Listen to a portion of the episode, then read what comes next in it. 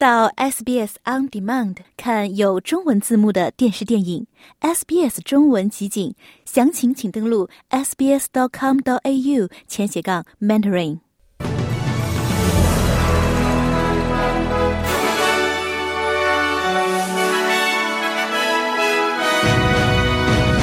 澳洲气候变化部长称，COP 二八取得重大进展。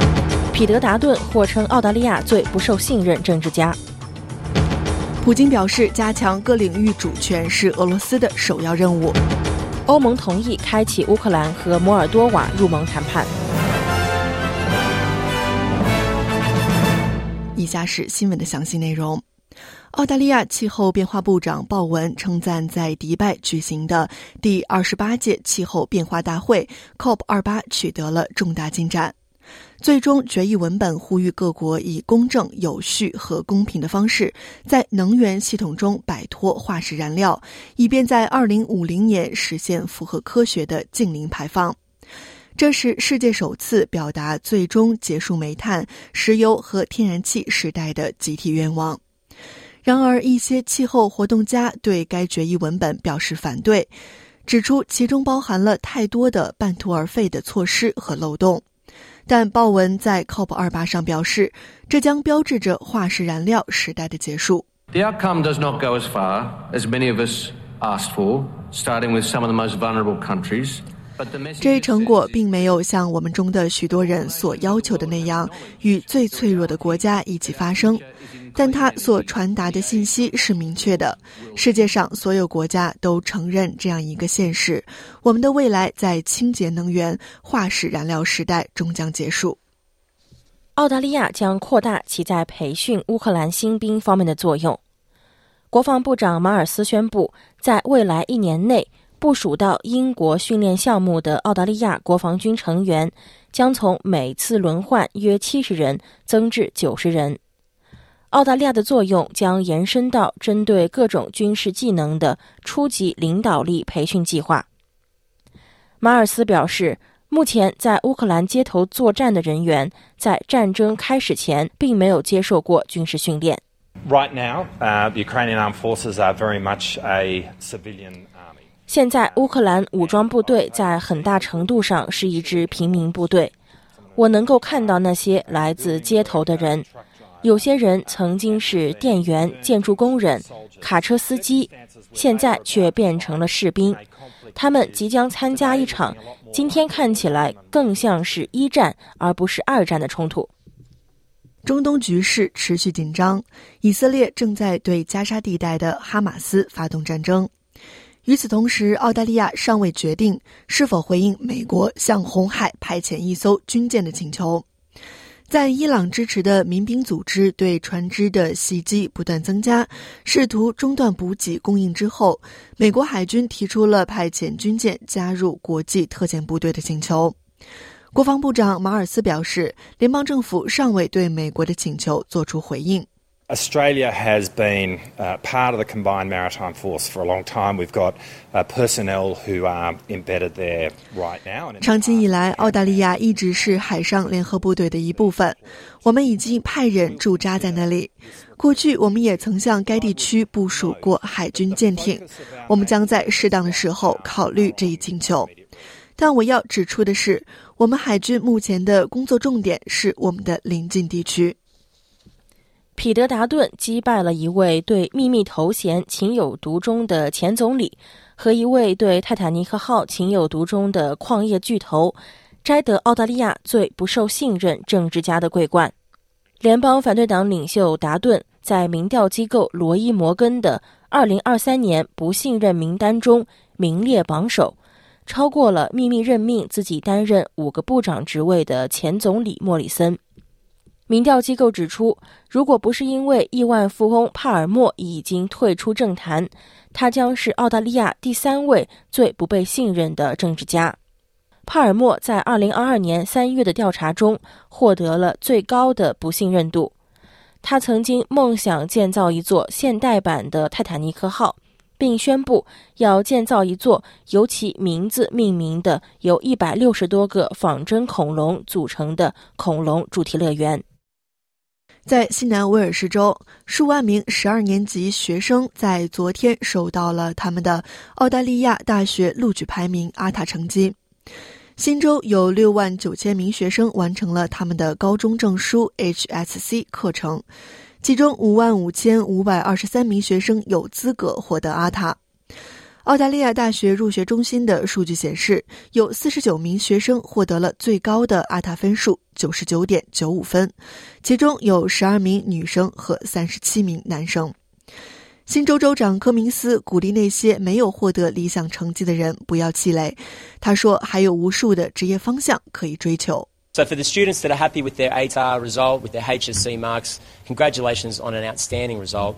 For those that are unhappy or didn't live up to the expectation. 对自己的阿塔成绩和高中证书成绩感到满意的学生，我祝贺你们取得了出色的成绩。对那些感到不满意或未达到自己期望的学生，我想明确地说，世界就是你们畅游的海洋。实现目标的方式有很多。我认为，任何在座的同龄人，我不打算透露我的年龄，都会毫不犹豫地换位思考。我们十八或十九岁的澳大利亚学生，在二零二三年有着如此多的机会。您正在收听的是 SBS 中文普通话节目。欢迎您继续收听 SBS 新闻报道。接下来，我们来关注一下其他方面的消息。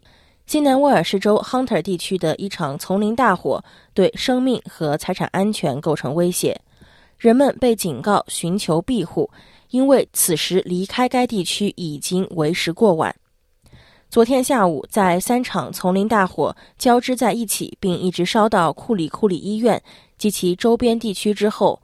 塞斯诺克附近的阿伯曼周边地区发布了紧急警报。由于情况有所缓和，火势随后被降级为观察并行动。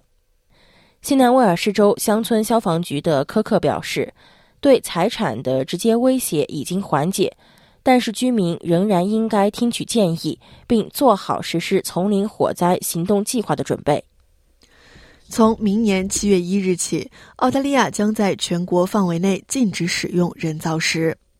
人造石是厨房和浴室台面的常用材料，加工时所产生的灰尘可导致石匠工人患上矽肺病，因此它又被称为是现代石棉。作为这项全国禁令的一部分，联邦政府还将实施海关禁令，禁止进口人造石。该禁令受到了工会的欢迎，他们曾表示，如果政府不实施禁令，他们将自己采取行动。史蒂文·迈尔斯将于今天正式宣誓就职，成为昆士兰州第四十任州长。上周日，昆州前州长帕拉谢伊出人意料地宣布辞去州长职务，并宣布将退出政坛。帕拉谢伊担任昆州州长一直近九年，曾经三次带领工党赢得州选举胜利。在新闻发布会上，他表示自己已经跑了一场马拉松，现在是时候开始新的旅程。帕拉谢伊对迈尔斯继任昆州州长表示支持。四名日本政府部长因筹款丑闻辞职，据称有超过五百二十万美元（折合五亿日元）最终落入贿赂基金。东京检察官已经启动反腐败调查。日本的一项调查发现，执政党自民党的支持率自2012年以来首次跌破百分之三十。俄罗斯总统普京表示，加强各个领域的主权是国家的首要任务。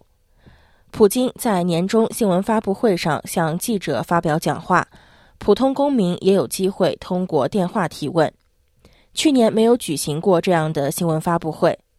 普京表示，只有在俄罗斯实现了所有目标之后，所谓的乌克兰特别军事行动才会结束。普京表示，如果没有主权，他的国家就无法存在。The main thing is to strengthen sovereignty. This is a very broad concept. Strengthening external sovereignty. 最重要的是加强主权，这是一个非常宽泛的概念。加强对外主权意味着加强国家的防御能力和对外安全，这是指加强公共主权，即无条件的保障国家公民的权利和自由，发展我们的政治制度和议会制，最后是确保经济领域的安全和主权及技术主权。与此同时，欧洲领导人在布鲁塞尔同意允许与乌克兰和摩尔多瓦进行加入欧盟的谈判，并给予格鲁吉亚候选国地位。乌克兰总统泽连斯基称，这决定是乌克兰和欧洲的胜利。欧洲理事会称，该协议是一致同意的。匈牙利反对与乌克兰展开谈判，但并未否决此举。中国国家主席习近平本周一至周二主持召开了本年度的中央经济工作会议，回顾总结了2023年中国经济形势，并制定了2024年中国经济目标和经济刺激政策。据路透社报道，中国官方预计将明年的经济增长目标定在百分之五左右，并将增加政府支出和对经济的货币支持政策。但是有专家指出，中国目前面临的债务危机和通缩风险，仍然是明年经济发展的两大重要挑战。特斯拉正在美国召回超过两百万辆汽车，已在其 Autopilot 高级驾驶辅助系统中安装新的安全防护设施，以更好地保障驾驶员在使用该系统时保持注意力。这是特斯拉在一个联邦安全监管机构提出安全顾虑后采取的措施。这是特斯拉有史以来最大规模的召回，几乎涵盖了在美国道路上行驶的所有车辆。特斯拉的召回文件表示，Autopilot 软件系统的控制可能不足以防止驾驶员滥用，并可能增加事故的风险。美国国家公路交通安全管理局花费了两年多的时间，调查由亿万富翁马斯克领导的电动汽车制造商生产的车辆是否足以确保驾驶员在驾驶中保持注意力。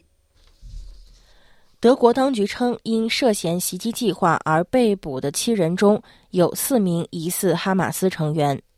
警方在德国和丹麦各自逮捕了三人，在荷兰逮捕了一人。丹麦首相弗雷德里克森表示，这一威胁非常严重。负责该案件的检察官表示，这些被捕者计划袭击位于欧洲的犹太遗址。接下来，我们再来关注一下国际货币市场。截止到澳大利亚东部夏令时早上的七点五十五分，在国际货币市场上，一澳元可以兑换零点六七零美元、四点七五三元人民币。五点二三一元港币以及二十点九四七元新台币。在新闻节目最后，再来看一下全国各主要城市今天的天气情况。悉尼多云见晴，最高温度二十七度；墨尔本多云，最高温度二十二度；布里斯班时有阵雨，可能有暴风雨，最高温度三十五度；堪培拉晴，最高温度二十九度。阿德莱德多云见晴，最高温度二十一度；珀斯晴间多云，最高温度三十二度；达尔文时有阵雨，可能有暴风雨，最高温度三十五度；霍巴特可能有阵雨，最高温度十九度。